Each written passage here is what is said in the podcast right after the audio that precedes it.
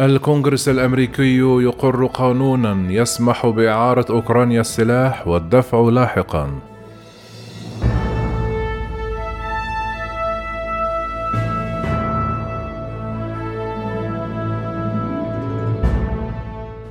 أقر مجلس النواب بأغلبية ساحقة يوم الخميس تشريعا من شأنه أن يسمح للرئيس الأمريكي جو بايدن باستخدام قانون يعود إلى حقبة الحرب العالمية الثانية لتزويد أوكرانيا بالأسلحة بسرعة على سبيل الإعارة.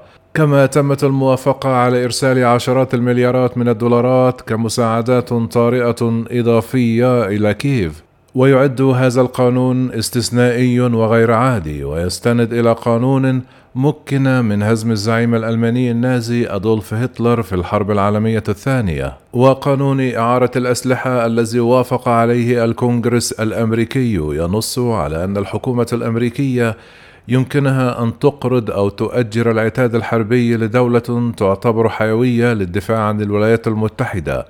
وبحسب القانون يجوز للرئيس الأمريكي عندما يرى في ذلك في مصلحة الدفاع الوطني بيع أو نقل الملكية أو تبادل أو تأجير أو إقراض أو التصرف بأي شكل آخر تجاه أي حكومة يعتبر الرئيس أن دورها حيوي للدفاع عن الولايات المتحدة.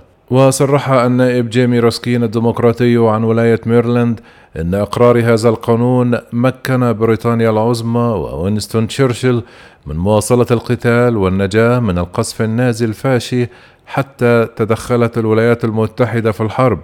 كما صرح الرئيس فلاديمير زيلينسكي أن أوكرانيا بحاجة إلى أسلحة لدعم نفسها وقد استجاب الرئيس جو بايدن لتلك الدعوة. وكان الرئيس الأمريكي آنذاك فرانكلين روزفلت قد تلقى مناشدة من رئيس الوزراء البريطاني وينستون تشرشل للمساعدة. فوافق على منح بريطانيا أكثر من خمسون مدمرة أمريكية مقابل عقود إيجار لمدة 99 عاما في القواعد البريطانية في منطقة بحر الكاريبي. التي سيتم استخدامها قواعد جوية وبحرية أمريكية. ورغم أنه واجه آنذاك معارضة في الكونغرس حظي قانون الإعارة والتأجير بالموافقة في مارس من عام 1941 ووقع عليه فرانكلين روزفلت ليصبح قانونا وأرسلت المساعدات إلى بريطانيا. قال النائب جيمي راسكين الديمقراطي عن ولاية ميرلاند إن إقرار هذا القانون مكن بريطانيا العظمى وينستون تشرشل من مواصلة القتال والنجاة من القصف النازي الفاشي حتى دخلت الولايات المتحدة الحرب.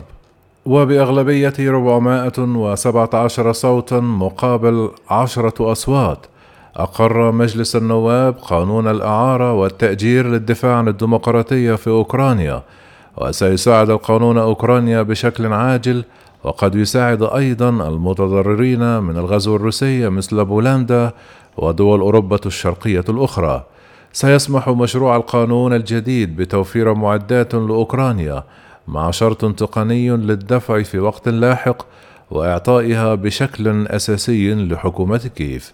سيسمح القانون للولايات المتحدة بتسليم الأسلحة إلى أوكرانيا بشكل أسرع من خلال التخلص من العقبات والإجراءات المتنوعة وسيتيح بشكل أساسي لإدارة الرئيس الأمريكي جو بايدن تقديم شحنات ضخمة من الأسلحة إلى كييف.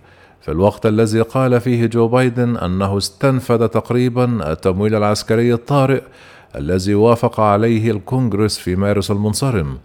قالت صحيفة نيويورك تايمز الأمريكية أن تشريع هذا القانون الغير عادي الذي يزيد عمره عن ثمانية عقود يعكس إلحاح الحزبين داخل الكونغرس على دعم الجيش الأوكراني في خضم حرب قبيحة وطويلة الأمد في جنوب أوكرانيا وشرقها.